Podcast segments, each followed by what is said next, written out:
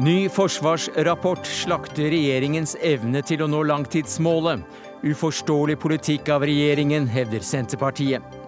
FrPs oljestatsråder har fjernet ordet klima fra oljepolitikken. Nå er det tut og kjør, sier SVs Lars Haltbrekken. Taliban på vei tilbake til regjeringskontorene i Afghanistan.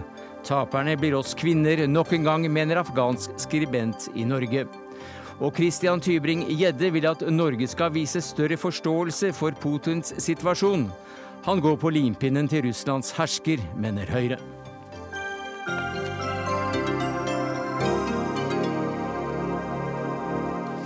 Ja, Det er noen av sakene vi byr på denne fredagen, der vi også markerer at Knut Håvik er død, 75 år gammel. Men vi begynner med rapporten fra Forsvarets forskningsinstitutt, FFI, om Norges forsvar framover. Den ble lagt fram i dag.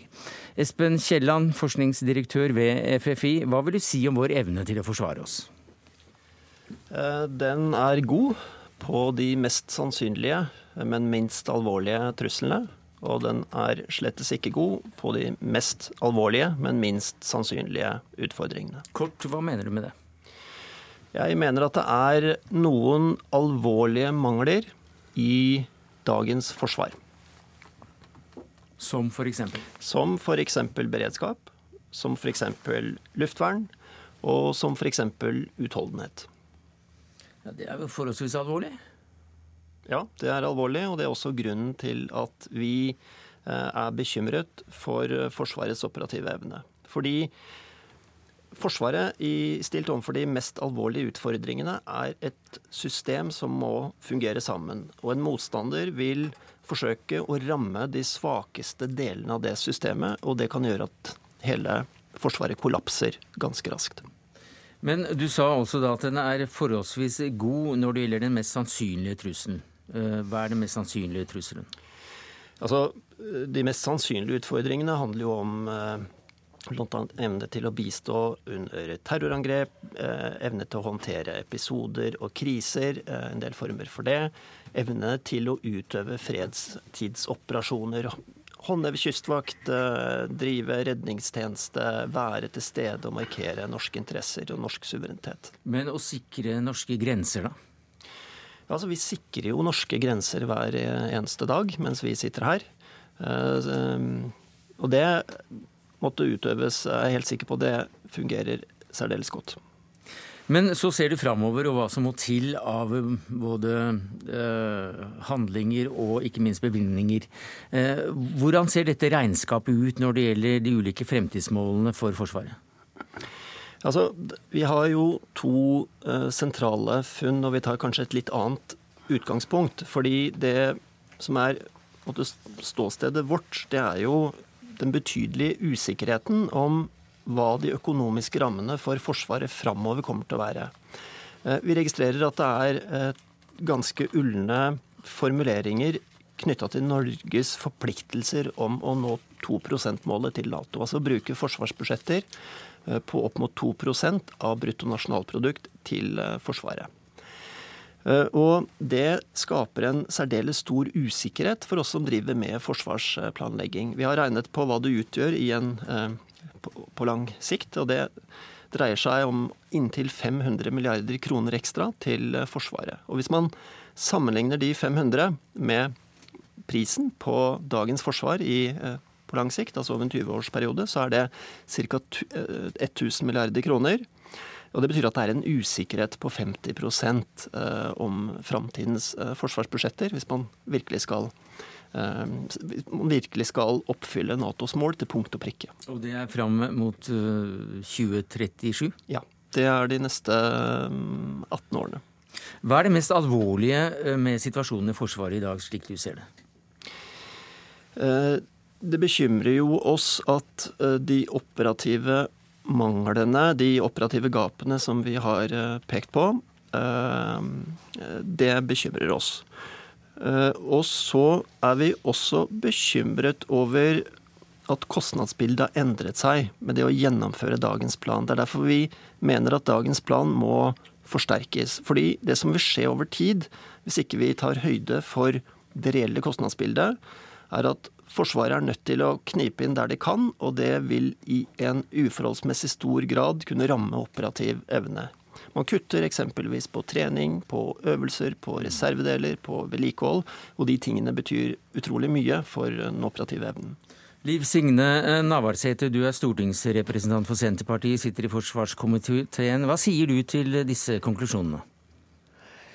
Det er stor grunn til å bli svært uroa over disse konklusjonene. Og de er jo eh, slett ikke i tråd med det som regjeringa og Høyre eh, har framholdt.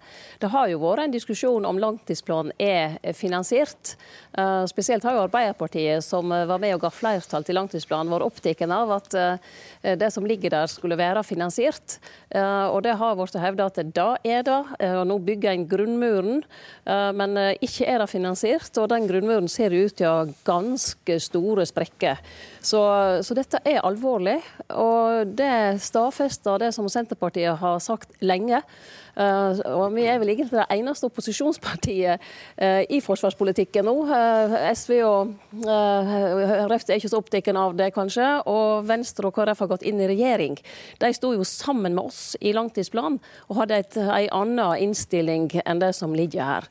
Så jeg mener dette er alvorlig, og vi er nødt til i Stortinget å drøfte hvordan vi skal få til en mm. opptrappingsplan. Og Da er det ganske frustrerende at eh, Senterpartiet sitt forslag, som var debattert bare for få dager siden i Stortinget, ble nedstemt av regjeringa og Arbeiderpartiet. Jeg la merke til at du da brukte bildet at det er store sprekker i denne grunnmuren som kalles for det norske forsvaret. Hårek Elvenes, du er medlem av forsvarskomiteen for Høyre. Hva sier du til denne karakteristikken?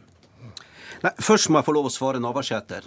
Eh, ja. Forsvarsbudsjettet har jo faktisk gått fra å være en budsjettaper under den rød-grønne perioden til å bli en budsjettvinner. Eh, tallenes tale er klar. Forsvarsbudsjettet har økt med 30% reelt hele 16 milliarder kroner.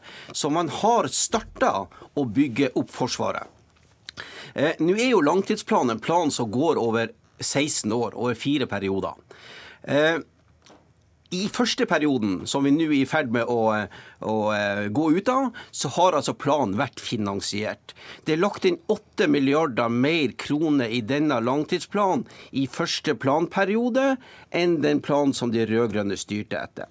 Altså, man er i ferd med å reparere dette forsvaret som var så nedkjørt og skakkjørt, men vi har langt igjen. Mm. Det er altså da regjeringen eh, Solberg som, som driver med mørtel for å reparere denne grunnmuren som eh, dere lagde sprekker i Navarsete? Jeg hører at det er det som blir sagt, og det er jo ganske friskt at uh, en sier det i dag, når uh, det egentlig er felt en ganske stygg dom over regjeringens forsvarspolitikk. Når det blir sagt at den operative evna ikke er slik som den skal være. Ikke er det utholdenhet, eh, ikke er det beredskap. Eh, og det, det er klart dette er snakk om å møte seg sjøl i døra. Og jeg syns etter hvert når en har sittet fem og et halvt år i regjering, at det kanskje en bør legge om kursen og se på hva er slags forsvar vi trenger i dag. Hva er trusselsituasjonen i dag? Og alle forsvarsanalytikere, uansett enten det er i Nato eller her i Norge hjemme, så er de jo klinkende klar på at situasjonen endrer mm. seg for Norge. Og da må vi innrette Forsvaret etter det, og ikke drive og snakke om hva en hadde på begynnelsen av 2000-tallet, eh, da situasjonen var helt annerledes enn i dag. Kan ikke sammenlignes. Ja, jeg har ikke å gripe fatt i. Altså, Den internasjonale sikkerhetspolitiske situasjonen den forverra seg jo dramatisk i 2008, når Russland invaderte Georgia. Så I så måte så skulle man jo ha starta allerede der. Men OK, vi skal ikke prate for mye om snøen som falt i fjor. Vi skal se fremover. Men vi må huske på at eh, tingenes tilstand og den operative evnen i Forsvaret eh, på ethvert tidspunkt er et resultat av foregående politikk og mangel på politikk. Eh, forsvarssjefen rapporterer jo faktisk i de årlige rapporteringen til Stortinget, som også Navarsete har hørt, at den operative evnen nå blir bedre. Men vi er ikke i mål, og det har jo dagens rapport eh, tydelig vist. Men vi er altså i gang. Men først må du altså sette Forsvaret vi har, i stand. Du må reparere grunnmuren, og så må du begynne å fase inn nye systemer. Men hva sier du da til den konklusjonen fra, fra denne rapporten? Rapporten fra Institutt for forsvarsstudier om at den operative evnen er altfor dårlig? Ja, Det er ingen tvil om at, eh, at forsvarsstrukturen er for tynn. Altså, ja, har... Hvem har ansvar for det, da? Ja, altså, Ansvaret ligger jo på flere Er det Navarsetes eh, rød-grønne regjering? Nei, jeg skal ikke peke utelukkende på, på Navarsete sin rød-grønne regjering.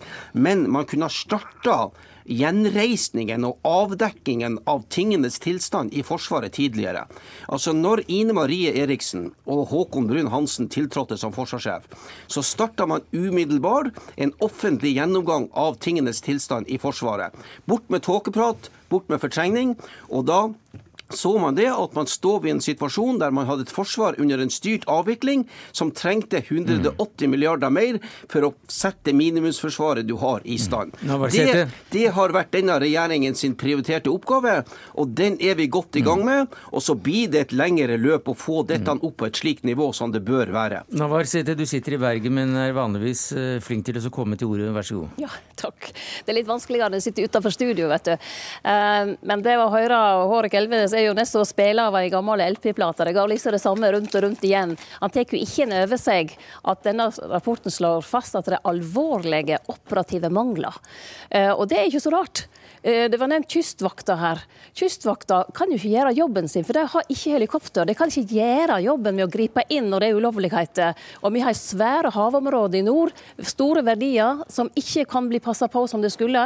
Vi vet Marinen, som nå òg har mist ene fregatten sin, de har ikke fått helikopter. Hæren mister sine helikopter. Andøya skal legges ned. Det blir færre shelter til å ta imot jagerfly fra allierte styrker. Vi skal jo òg ha en plan for alliert mottak som vi venter og venter venter på.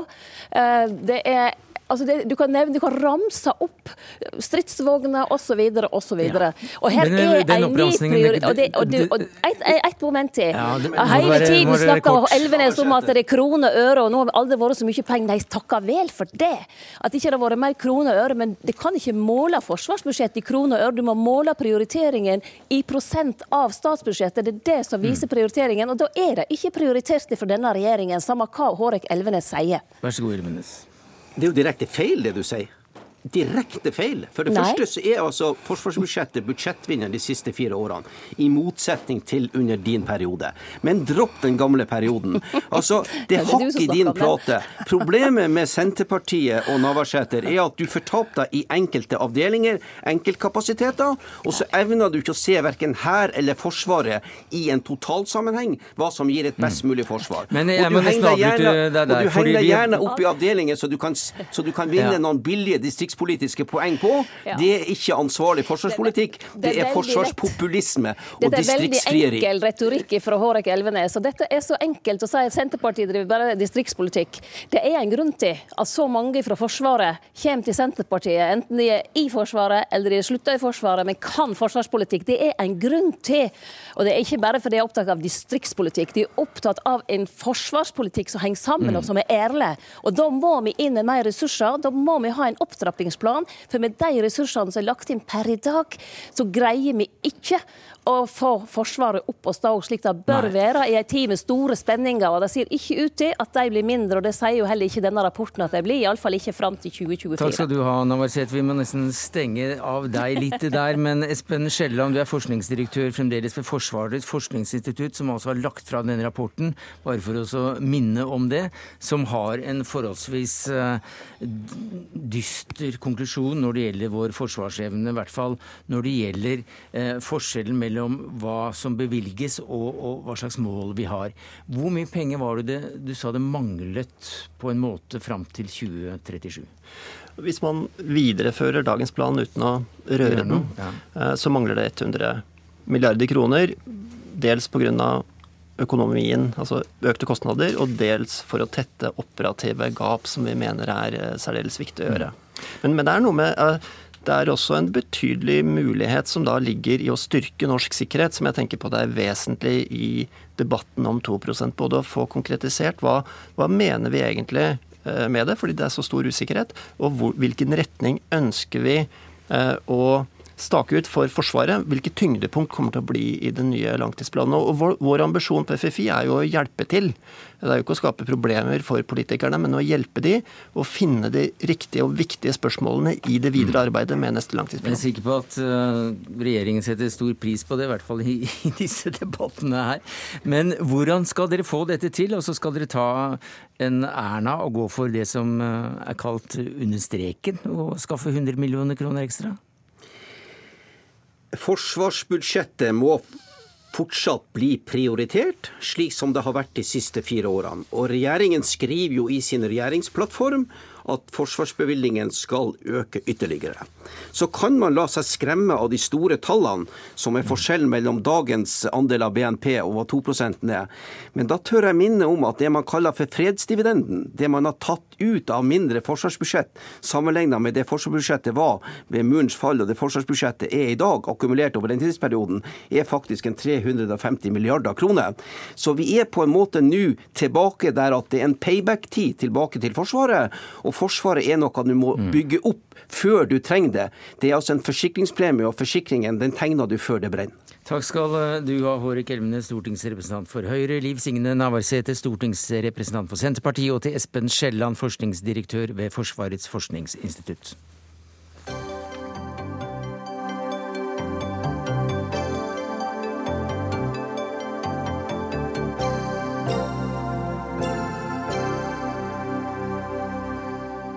Så til eh, den tradisjonelle trusselen vi har stått overfor her i landet siden den kalde krigen, i hvert fall, eh, nemlig, eller før den kalde krigen, nemlig Russland.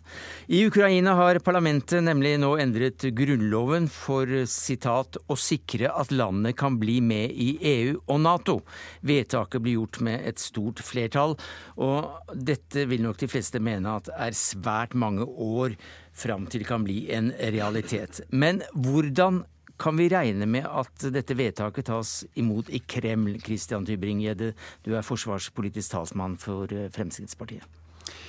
Ja, Det blir selvsagt ikke tatt veldig eh, vennlig imot. Eh, det var jo det som var foranledningen når Russland rykket inn i Krim. Så var det jo også snakk om at Ukraina skulle få søke medlemskap i Nato. og og dette her var jo rett etter at den forrige presidenten ble styrtet, som hadde var russiskvennlig, Janukovitsj. Så, så, det er ikke noe tvil om at dette budskapet gjentar seg nå. Og det er veldig uheldig. Russland har selvsagt en egeninteresse av å forsvare sitt eget land, og ikke minst interesse av å forsvare marinebasen for å sikre tilgang til, til Svartehavet. Så det er åpenbart at en sånn type signal er et veldig lite klokt signal overfor Russland. Og selvsagt vil det heller ikke få bli særlig godt mottatt eh, i Nato på nåværende tidspunkt. Og du er en som tar til orde for at Norge bør vise en, en viss forståelse, i hvert fall større forståelse for Russlands situasjon. Hvordan da? Altså det som har skjedd i slutten av kalde krigen, var jo at det var et uh, vennskapelig forhold mellom Reagan og Gorbatsjov, og man så mulighetene for Eh, peace in our time eh, igjen. Eh, og så har jo da Nato gradvis utvidet seg østover, nærmet seg Russlands grenser, som selvsagt ganske naturlig oppfattes som negativt for, av Russland og Putin. Så kan man si at hvert land kan bestemme sin egen forsvarstilhørighet og, og, og si hvor de ønsker å tilhøre. Det er sant, men konsekvensen av det er noe annet for Russland. Og, og Ut fra det så må man heller se på, forstå hvordan eh, Russland tenker, og hvorfor, hvorfor Putin reagerer som de gjør. Jeg tror eh, eh f.eks. sanksjonene som ble innført etter eh, Russland annekterte Krim, er veldig uklokt på sikt. Nå sitter vi der og har malt oss selv inn i et hjørne. Vi kommer ikke ut av de sanksjonene. Rett og slett fordi at vi, Russland kommer aldri til å forlate Krim, og vi vil miste ansikt dersom vi opphever sanksjonene. Så det blir innført altfor raskt, altfor tidlig, og gjør at denne helt naturlige samtalen som er nødvendig mellom Putin og Trump og vest og øst, finner ikke sted. Og så blir det verre og verre, og så blir det en selvoppfyllende profeti.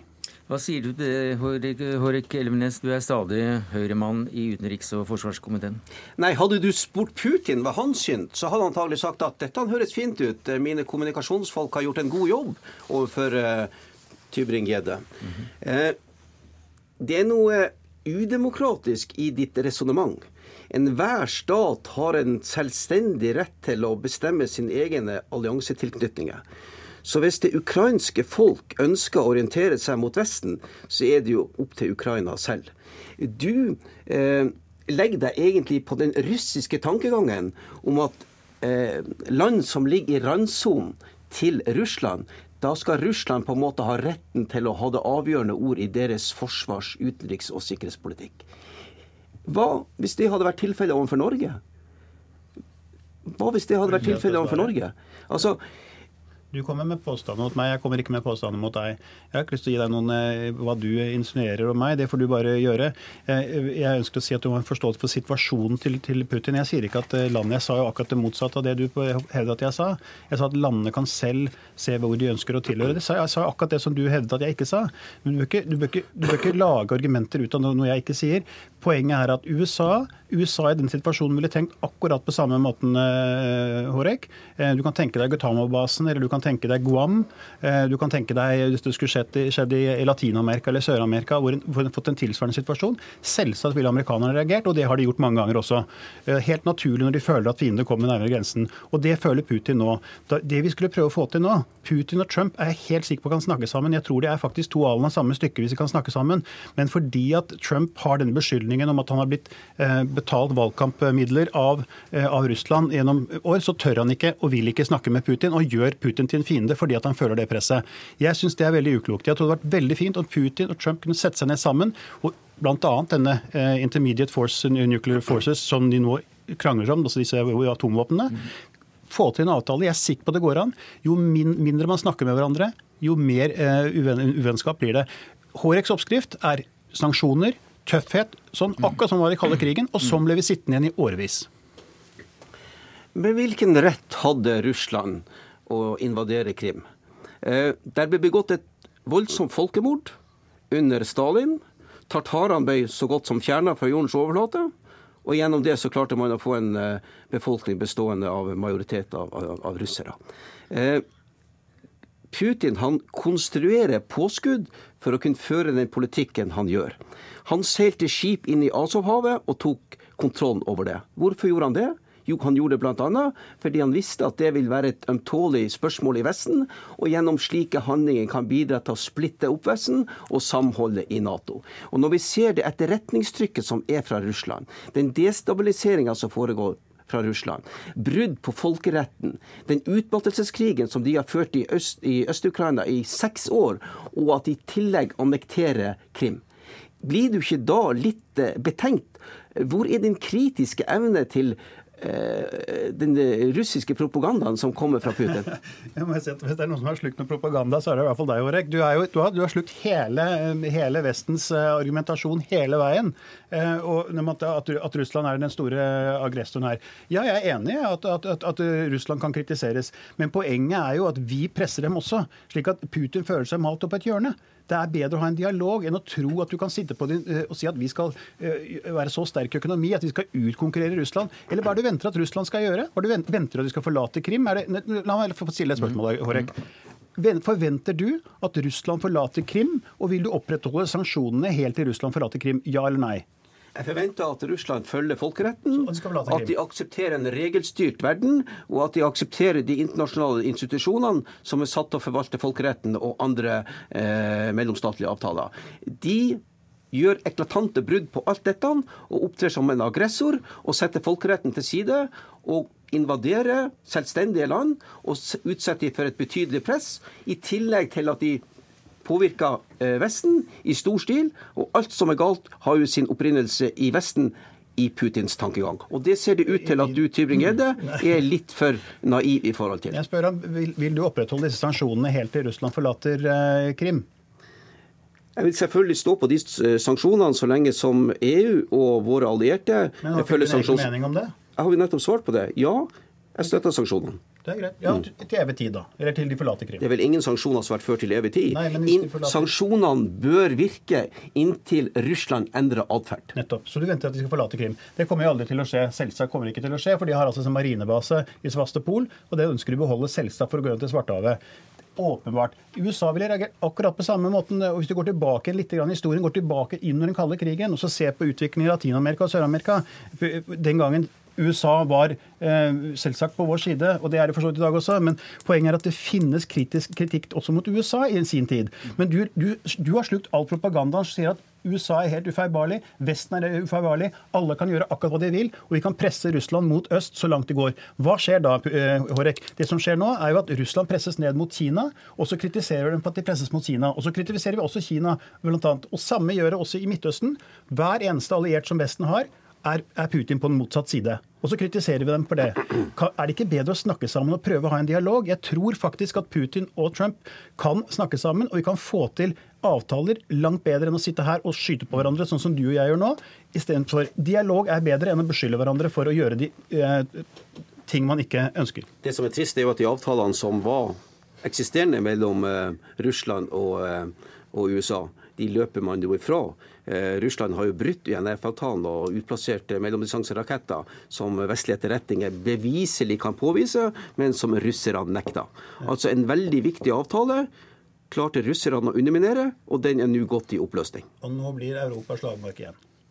Vi eh, prøvde oss eh, på en dialog her i eh, Dagsnytt 18-studio. Det gikk vel heller som en sånn passe. Men vi er svært glad for at vi endelig fikk en, en samtale og en runde om et viktig utenrikspolitisk tema. Takket altså da være Hårek Elvenes, stortingsrepresentant for Høyre, og Christian Tybring-Gjedde, forsvarspolitisk talsmann i Frp.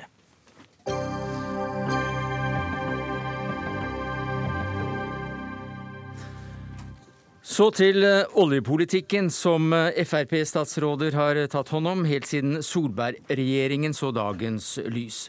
Oljedirektoratet er et nyttig styringsinstrument for det Frp-styrte departementet, og hvert år beskriver departementet hva direktoratet skal prioritere i året som kommer. Etter at Frp rykket inn i statsrådskontorene i 2013, så er ordet klima redigert vekk fra disse instruksene, skriver Aftenposten i dag. Og dette kaller du for et eksempel på tut og kjør i oljepolitikken, Lars Haltbrekken. Du er stortingsrepresentant for SV, miljøpolitisk talsperson. Hva legger du i det? Nei, dette viser jo åssen det går når du setter eh, Fremskrittspartiet til å styre eh, oljepolitikken.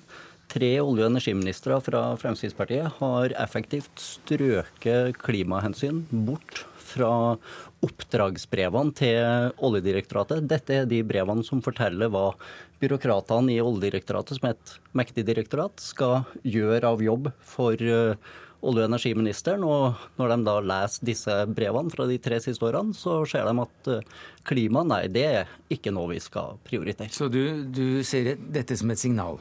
Dette er et tydelig signal. Og hvis du ser dette sammen med det som skjedde et par dager før den siste regjeringserklæringa ble lagt fram, Granavolden-plattformen, eh, hvor det da ble delt ut rekordmange nye oljefelt til oljeindustrien, så er det tut å kjøre i oljepolitikken. Og jeg er helt enig med tidligere olje- og energiminister Terje Søviknes, som for ett år siden sa det er ingen endring i oljepolitikken sjøl etter at Venstre kom inn i regjeringa. Men vi holder oss nå foreløpig til akkurat retorikken, altså i hvert fall bruk av ordet klima som et styringsverktøy. Kjell Børge Freiberg, du er olje- og energiminister. Og du er da den tredje fra Frp som har vært statsråd i øh, dette departementet. Hva sier du til at dere stadig stryker ordet klima, mens det var sto sentralt før? Altså Aller først, eh, dette handler ikke om tut og kjør. Det handler faktisk om 170 000 mennesker som hver dag går på jobb mm. i Norges viktigste næring, som sørger for enorme og viktige inntekter til finansiering av vår eh, velferd. Og så spørsmålet også, Hvorfor har du strøket ordet klima? I 2014 så endra man måten man skrev tildelingsbrevene på. Eh, og la klimaordet inn under helse, miljø og sikkerhet. Eh, og mer dramatisk eh, enn det er det ikke. Og hvis man leser hele oppdragsbrevet olje, til Oljedirektoratet, eh, så finner man masse godt klimaarbeid også innenfor Oljedirektoratet. Så det spiller også ikke noen rolle akkurat hvilke ord man bruker? Men, selvfølgelig gjør det det. Og jeg sitter med de tre siste tildelingsbrevene foran meg. Og man har systematisk svekka og til slutt utradert klima i uh, disse uh, dokumentene. Og hvis du mener uh, at klimahensyn er fortsatt ivaretatt, så pek på det. da. Siste, de tre siste tildelingsbrevene ligger her. Pek på hvor i disse brevene at klimahensyn er ivaretatt. Eh, Lars Haltbrekken, for det første så styrer vi ikke norsk oljepolitikk eh, og aktivitet på norsk sokkel utelukkende fra eh, oppdragsbrevet til Oljedirektoratet. Nei, også gjennom tildelinga som du har gjort rekordmange av. Men, men jeg, kan, jeg kan gjerne lese ifra tildelingsbrevet. Og så er da hovedoppgaven til Oljedirektoratet det er å bidra til størst mulig verdier for samfunn, eh, for samfunnet fra olje- og gassvirksomhet gjennom en effektiv og forsvarlig ressursforvaltning. Der det tas hensyn til helse, miljø, sikkerhet og til andre brukere av havet. Altså miljø, sikkerhet og helse. Og For meg så handler det også om klima, men ikke nok med det. Eh, Oljedirektoratet de skal behandle alle nye utbygginger. Der skal det i alle nye planer og ombygginger vurderes kraft fra land. Og Lars Haltbrekken, hvis kraft fra land ikke handler om klima, eh, da eh, stiller jeg meg svært undrende. Og så kan jeg fort... Ja, men jeg kan, ja, men jeg kan, jeg kan, jeg kan fortsette å lese. Det skal jeg faktisk eh, svare på. For det er takket være et press fra SV at vi nå får en elektrifisering av Utsirahøyden og redusert CO2-utslippene fra bl.a. Johan Sverdrup-feltet. Det var ikke noe men, som Fremskrittspartiet drev fram. Men, så må jeg få svar på én ting til. Så får vi nå et annet Et øyeblikk, Haltbrekken få et par ord til. Her. Så har vi et felt til, Edvard Grieg. Det måtte vi bruke hele fjoråret til å få dere uh, fra Fremskrittspartiet uh, i statsrådsstolen mm. til å bekrefte at skulle elektrifiseres i tråd med de vedtakene som er gjort uh, fra Stortinget. Så her har det vært Stortinget som har drevet fram den elektrifiseringa og de CO2-kuttene. Men ved å ha klima inn i disse oppdragsbrevene, så kunne man ha pålagt også mm. Oljedirektoratet å gjøre dette. Det er altså SVs eh, ære at klima i det hele tatt er i norsk oljepolitikk, Ørvin? Ja, altså Først kritiserer Lars Haltbrekken meg for at jeg ikke har skrevet klima i oppdragsbrevet. Eh, og så tar han æra for eh, det jeg leser, eh, nettopp i forhold til at dette handler om klima. Det forstås som et bevis på at det er i alle fall spor etter klima i oppdragsbrevet til Oljedirektoratet. Ja, takket være SV. Men, men, dette er bare én bit ut av det. Og hvis vi da, hvis vi da ser etter oppdragsbrevene ble endra Eh, hva som faktisk har skjedd eh, på norsk sokkel, så mener jeg at vi har all grunn eh, til å være stolt over den jobben som er gjort i forhold til å få ned klimagassutslippene. Norsk sokkel er i dag en ut av de beste soklene i verden i forhold til lave klimagassutslipp. Du har tidligere påstått at norsk sokkel er den beste i verden. Det har du blitt tatt eh, av eh, faktasjekkerne på. Det er flere land som faktisk har lavere utslipp. Men la nå det ligge. Det er ikke det viktigste i dette. Oljeindustrien er den næringa som har økt forurensninga si aller mest i Norge de siste 30 årene. De har hatt en eksplosiv vekst i utslippene. Og vi skulle jo kutte utslippene i disse årene. I stedet har utslippene fra oljeindustrien kutta, økt med utslippene. over 80% Og i en sånn situasjon er det du da tar bort klima Nei. fra det som er oppdragsbrevet til Oljedirektoratet. Det har dere gjort i de tre siste årene, og det sender et tydelig signal til Oljedirektoratet om at før så var klimahensyn viktig. Nå så er ikke det lenger viktig. Men jeg er ikke så overraska, for at det er dette du får når du setter Fremskrittspartiet til å styre klimapolitikken i Norge. Du har nettopp bekreftet at uh, der er masse god klimapolitikk i oppdragsbrevet. Men dette er jo en liten del av måten vi jobber med uh, klima uh, og klimautfordringen på, også i forhold til norsk sokkel. Ved å fjerne hensynet til klima? Er det en måte å jobbe ja, men, med klima på? Ja, men Lars Haltbrekken, hør du her. Når det gjelder utslipp, klima, så reguleres dette Uh, I enhver aktivitet på norsk sokkel så må det være en utslippstillatelse. Det er det ikke Oljedirektoratet som håndterer. Det er det Miljødirektoratet eh, som gjør. Det gjør man hver gang det blir gitt en tillatelse til aktivitet. Og ikke nok med det, man følger det opp også mens eh, man drifter. Er det, er det ikke slik Haltbrekken, at vi har departementer som skal ta seg av miljø- og klimautfordringer, og så får Oljedepartementet og direktoratet da da driver med sitt. Nei. Eh, det er klart at Departementene har jo et spesielt og overordna ansvar.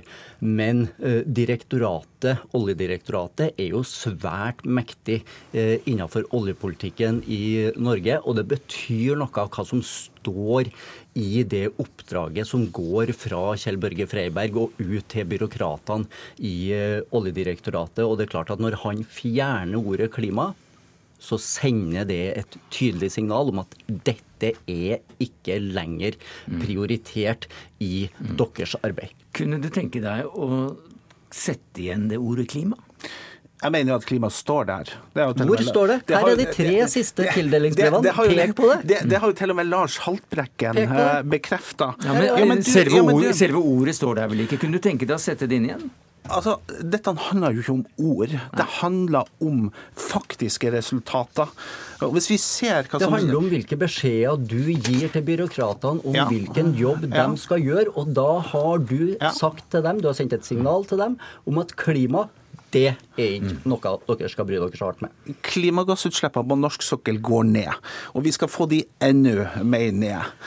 Klimagassutslippene fra norsk sokkel har økt med over 80% siden 1990. Mm.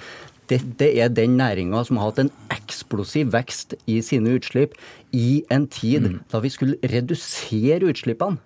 Så sitter du og sier at dette er den reneste oljenæringa i verden, og vi har kutta utslippene. Ja, det er en av de reneste oljenæringene i verden, er det ikke det? Jo. Vi ser nå at det er flere Men er, er det det, ja eller nei? Det er blant dem som har de laveste utslippene per, per produsert mm. enhet. Freiberg har tidligere sagt og blitt tatt av faktasjekkere på at dette er den reneste. Mm. Det er det ikke. Saudi-Arabia produserer mm. renere. Men nå ser vi at det er en del, men nå ser vi at det er flere felt på norsk sokkel uh, hvor utslippene går kraftig opp. Ekofiskfeltet har dobla sine mm. utslipp per produsert enhet. Freiberg, kort til slutt. Jo, og Derfor så handler det om hva vi faktisk gjør. Uh, senest for et par uker siden så var jeg i Trondheim uh, og offentliggjorde etableringa av lavutslippssenteret, som er en forskningsenhet der vi putter i år uh, nesten 20 millioner kroner inn i laget med Sintef og NTNU i forhold til forskning på eh, teknologi og mm. muligheter til å få ned klimagassutslippene på sektoren enda mer. Da får vi også, se hvordan resultatet også, blir og når det arbeidet kommer skikkelig i gang. Kjell Børge Freiberg, jeg må nesten stoppe deg der, for tida går altfor fort.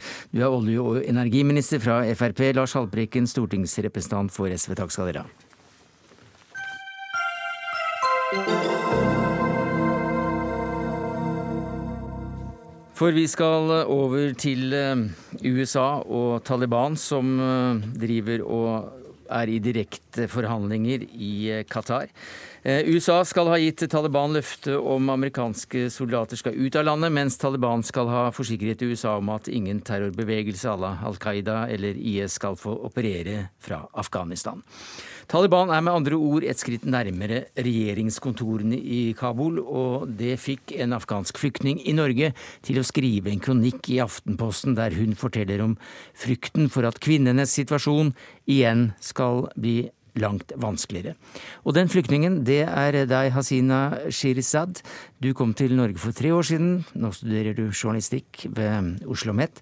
Og du skriver altså om opplevelser sist Taliban satt ved makten. Hvordan opplevde du som pike den situasjonen? Tusen takk for invitasjonen. Um, det var en lang reise i frykt. Og jeg husker den veldig klar. Um, nå, for å være litt sikre. Jeg skal bytte til engelsk, hvis det, det er greit. Det går bra. Um, when Taliban came to Afghanistan, I was just five years old. So there was a lot which happened during that time. My mom suddenly started uh, wearing hijab, burqa. She used to work at university, and then suddenly she was at home. She used to wear glasses, which was compulsory. She needed, and then she used to combine that with burqa. And most of the time, she would come home fallen, bruises. Uh, as well, Taliban would um, Taliban made other women, all of them, to wear hijab, and even my aunt, she once uh, fall into a drainage and she broke uh, her ribs because of that was one part with uh, burqa. Then it was uh, it was not allowed to study, and there were no education, so I had to start my school that year, but uh, it didn't happen. My sister had to start her college. She couldn't start. Uh, there was a lot which happened. They assassinated women, they stoned women, they killed women, and it was not allowed to go out without mahram. And uh, I have seen my mother's cousin being beaten because they were outside and they didn't have mahram. And sometimes they were beaten because they didn't have um, a long burqa or their foot were bare. Mm. So there was a lot. Uh, du har også da uh, sett at uh, kvinner er, er slått, og, og, det har vært steining av kvinner. Tvunget til å gå i burka. og du skriver også at Taliban har endret tankesettet til folk. Ja. Eh, hvordan da? Uh, that's right. After some time, when uh, I noticed, I started going to hidden schools in Kabul, but that was seen as crime. After some time, uh, even the society adjusted itself the way the Taliban were, and then we were seen as a really liberal and kind of the family which doesn't uh, which doesn't uh, follow the rules which should have been followed, which was uh, for me and our family was opposite. We thought that the way my family thinks is the right way, and if I'm going to hidden school, that was all right. But uh, that's true. The the society changed, and that that happened. And even when Taliban went, it was really hard to break that burqa, to break the and bring the change because the society mentality till long stayed the same way. Og Hva frykter du da nå kan skje eh, hvis Taliban igjen inntar regjeringskontorene i Kabul? Uh, me personally, I'm concerned that it shouldn't go back to the way it was. First, we're afraid that in 17 years now, Afghan women has gained a lot. They have fought for their rights. They have uh, they have started to study. They are different, ambitious, and they're progressive. So we, uh, when they come back, if that progress stops first, they might take back as to 17 years ago in some parts, but if not, that progress might stop. Mm.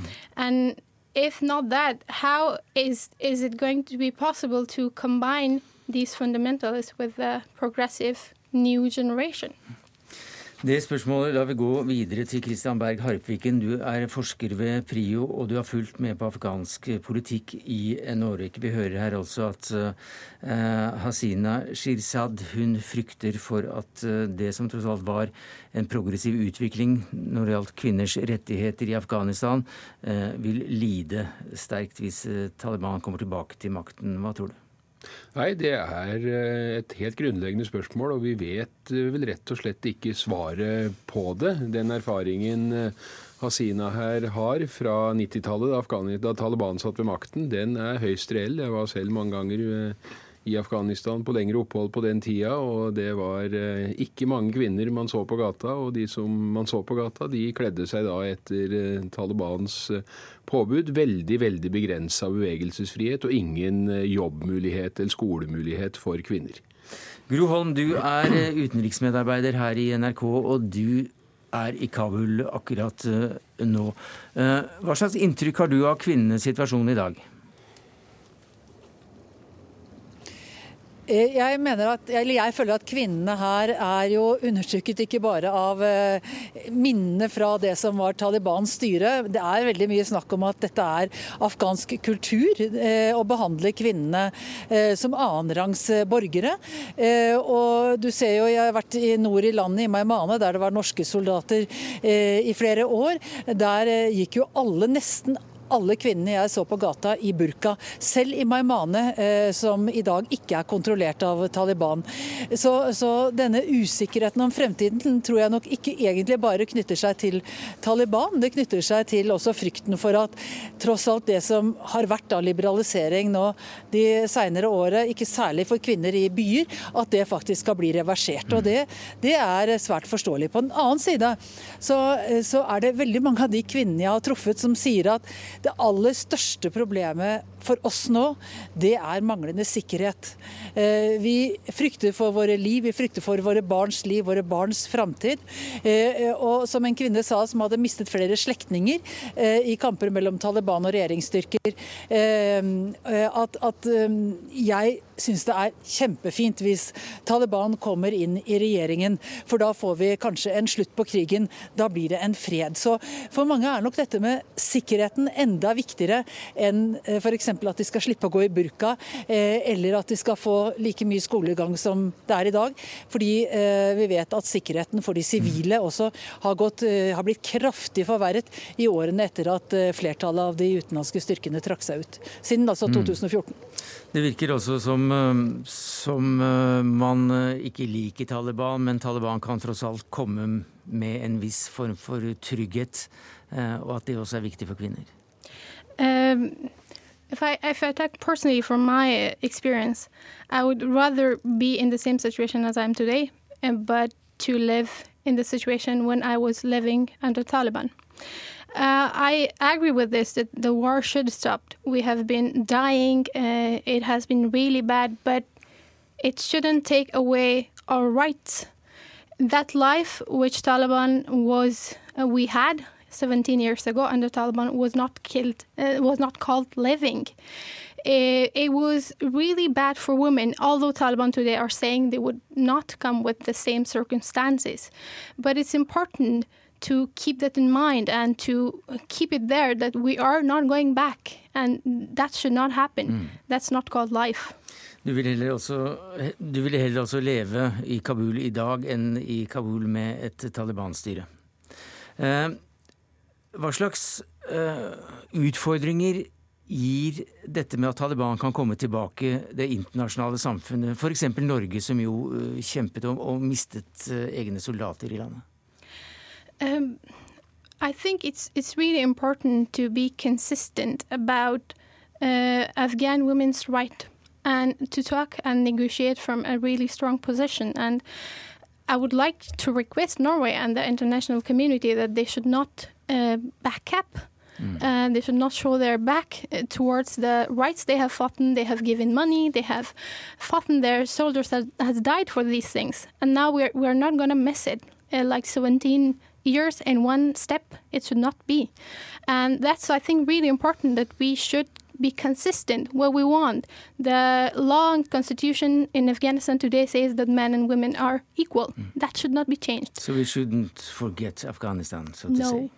Vi må altså ikke glemme eh, Afghanistan, sier Hasina Shirzad, spesielt i denne situasjonen. Og denne situasjonen vi er i i dag, den skal vi bruke de siste minuttene av akkurat denne bolken i Dagsnytt 18 og snakke om. For at denne situasjonen vi er i, den er forholdsvis ny, Kristian Berg Harpviken. Eh, sist gang du var her, så kom du og sa at det som har skjedd eh, mellom USA og Taliban i Qatar, disse forhandlingene, ja det er det største, det mest spennende som har skjedd i, i Afghanistan på 17 17 år. Hva er siste nytt? Nei, Siste nytt er at det har vært møter i eh, Moskva eh, forrige uke, en drøy uke siden. Det har satt eh, over to dager representanter for Taliban sammen med representanter for det man kan kalle den politiske opposisjonen i Kabul. Altså ikke regjeringen, men andre sentrale politikere. Og veldig sentrale, for dette inkluderer også den forrige presidenten, Hamid Karzai. Og det inkluderer den mannen som alle regner med vil bli den neste presidenten, Hanif Fatmar. De har sittet da i forhandlinger med Taliban, kom ut med en type erklæring som eh, senere den afghanske presidenten i Kabul, som altså ikke var invitert til Moskva. Og som heller ikke var i Qatar? Var ikke i Qatar, var ikke i Moskva. Her har Taliban vært klare. De ønsker ikke å forhandle med en regjering som de ser som amerikanske marionetter. Og Dermed blir eh, presidenten sittende alene i presidentpalasset i Kabul, mens forhandlingene foregår først da i Qatar med amerikanerne, så med den politiske opposisjonen i Qatar eh, i eh, Moskva. Og dette er jo interessant på mange nivåer, men det viktigste med det som har skjedd i Moskva, er at det betyr tross alt at man er i gang med det som må være skritt to i disse vanskelige fredsforhandlingene. Man har nå hatt forhandlinger mellom USA og Taliban, blitt enige om noen spørsmål. Man har ingen avtale enda, men den prosessen går. Og amerikanerne er veldig utålmodige, så hvis dette skjer, så kommer det til å skje veldig fort. Og hvis det skjer fort uten at man har en afghansk eh, dialog i gang, uten at man har et afghansk rammeverk i gang for samtaler internt, så vil det være veldig dårlig nytt for Afghanistan. Det vil være veldig dårlig nytt for Afghanistans kvinner. Og risikoen for eh, en altomfattende borgerkrig er faktisk overhengende. Vi nærmer oss eh, slutten av denne bolken her, men Gro Holm eh, i Kabul. Hva sier folk du har truffet til den siste utviklingen når det er forhandlinger både i Qatar og i Moskva? Ja, De aller aller fleste er veldig positive til disse forhandlingene. Eh, og, og, sier at det, altså bare det kan bli fred, så skal vi godta at Taliban sitter i, i regjeringen. Det store spørsmålet er jo, som Harpviken var inne på, hva med, med, president Ghani? Noen jeg har snakket med, sier at det kanskje beste var om han eh, gikk av og trådte til side. Overlot eh, eh setet til en overgangsregjering, en interimsregjering. Men det vil i så fall bety at eh, valget som er planlagt 20.07 i sommer, måtte utsettes. og det er ingenting som tyder på at Ghani kommer til å gå med på det. Så det er en veldig fastlåst situasjon, eh, hvor altså han som er landets eh, valgte president, eh, nekter eh, å, å, å, tre tilbake og sier at disse samtalene som foregår i Moskva, det er bare akademiske og politiske møter som ikke betyr noe som helst. Og Taliban nekter å snakke med regjeringen eh, så lenge man ikke har en eh, avtale, en, en ferdig avtale om full amerikansk tilbaketrekking på bordet. Så det er litt sånn skikkenspill her hvem er det som viker først? Eh, og, og, og det kan bli veldig urolige tider framover der mm. ingen av dem som ser ut til å ville gi seg nå. Da får vi også se hvordan det går med kvinnenes stilling i eventuelt nytt regime. Takk skal du ha, Gro Holm i Kabul, Christian Berg Harpviken, forsker ved PRIO, og Hasina Shirzad, afghansk flyktning og journaliststudent.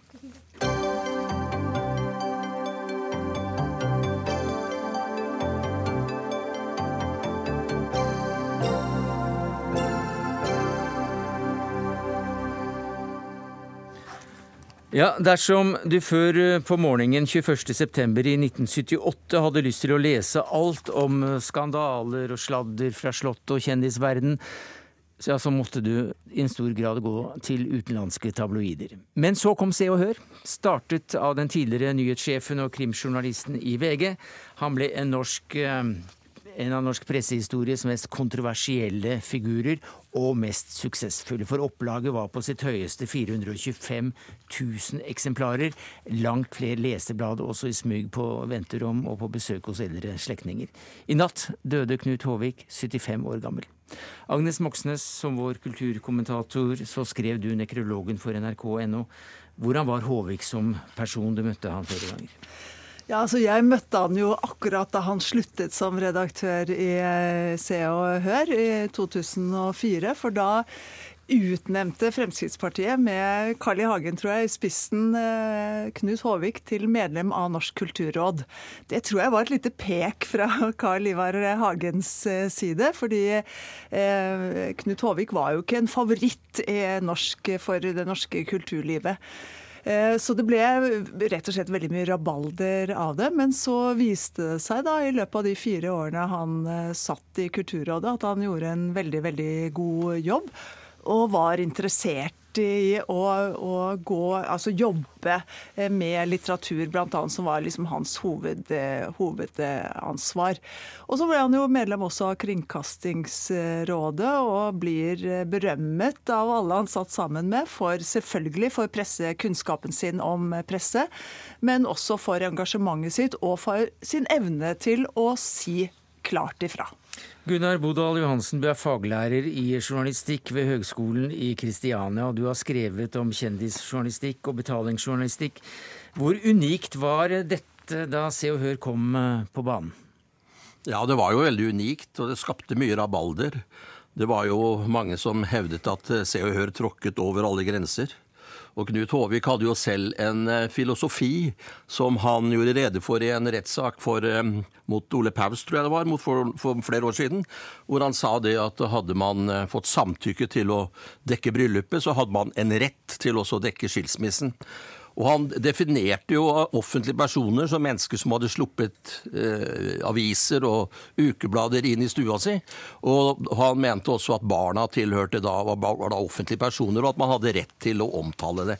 Og det er klart, det gikk jo ikke. Eh, det avstedkom, avstedkom en rekke selvfølgelig kritiske kommentarer, og folk følte jo også at de var blitt uthengt av bladet. Ja, Hva slags grenser var det han da pushet eller um, brøt eller gikk over? Nei, altså Det er jo flere sider ved dette. Og nå snakker vi om Knut Håviks Se og Hør. Se og Hør har jo også forandret seg. Men det var jo selve den metodikken som han hadde, som også var problematisk. Det var jo mange som mente at de ble presset til å stå frem.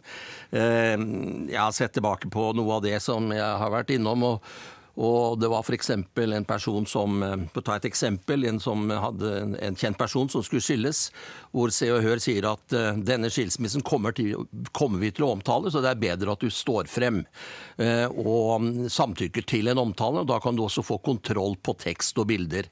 Og Da følte jo denne personen sier jo da at man følte seg presset til å stå frem av hensyn til barn særlig, og hensyn til familien, og få kontroll over dette her. Det var jo sånne ting som stadig kom frem eh, fra, fra, fra, fra, flere hold. Hvor godt, kunne, hvor godt, kunne, kjendiser eh, få betalt da for å ja, Så har vi jo dette med betalingsjournalistikken.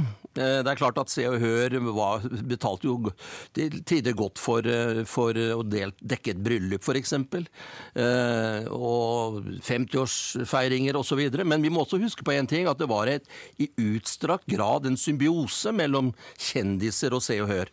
Mange som ble omtalt i Se og Hør, så var helt uproblematisk for dem. Tvert imot, de mange ønsket jo å bli omtalt i Se og Hør nettopp fordi at det på mange måter styrket deres posisjon i kjendisverdenen. Ikke minst artister. Foran en premiere inviterer man sine sine kjendisvenner. Og Se og Hør kommer på besøk med hvitvin og kanapeer, og det blir en hyggelig reportasje. Og styrker billettsalget. Sånn må man huske på at det også er en del av dette. Se og Hør skal altså ha betalt en utro NRK-tjener, Moxnes? Ja, det er jo en av Man må jo si at samfunnsidyllen slo litt sprekker i løpet av den tida Se og Hør Eller altså da Se og Hør satte i gang. Og en av historiene som skal være riktige, de forekommer i, i Knut Håviks eh, selvbiografi 'En ramp i rampelyset', det var jo at en av eh, NRKs medarbeidere eh, hver uke sendte en oversikt til Se og Hør over hva som skulle komme på radio og TV. Fordi at det var en stor kamp, bitter kamp på den tiden mellom Programbladet og Se og Hør. Og Programbladet ville ikke lekke informasjon til eh, TV-kjendisskrivende Se og Hør. Eh, og da var det altså en her på huset som fikk 500 kroner i uka for å legge programmet ned i en konvolutt og sende det til Se og Hør. Og visstnok er det ingen som vet hvem den personen er. Å jo da, det er det sikkert. Men eh, hva slags avtrykk i journalistikk vil du si at han, at han da har satt Gunnar Bodal Johansen? Nei, altså Jeg vet ikke om han har satt så veldig store avtrykk i journalistikken. Det er klart at Se og Hør som blad har satt avtrykk etter seg i, i, i samfunnet. Ja, De eksisterer jo ennå, da. De eksisterer enda. Men Nei, fordi at Han har selvfølgelig påvirket tabloidene i den retningen at de skriv, skriv, begynte å skrive mye mer om kjendiser. Men det går jo, i hvert fall sånn som jeg kjenner til det, går det jo et skarpe skille mellom den tradisjonelle journalist journalistikken, altså den metodikken som er rådende innenfor tradisjonelle redaksjoner, og mye av det som skjer i Se og Hør. Jeg husker når jeg var inne i dette bildet, så ble jeg jo veldig overrasket at når jeg sa 'dere skriver vel ikke om deres venner'. Og det var jo nettopp noe av det som kjennetegnet Se og Hør, at de har en kildepleie som går langt utover det et normalt kildeforhold.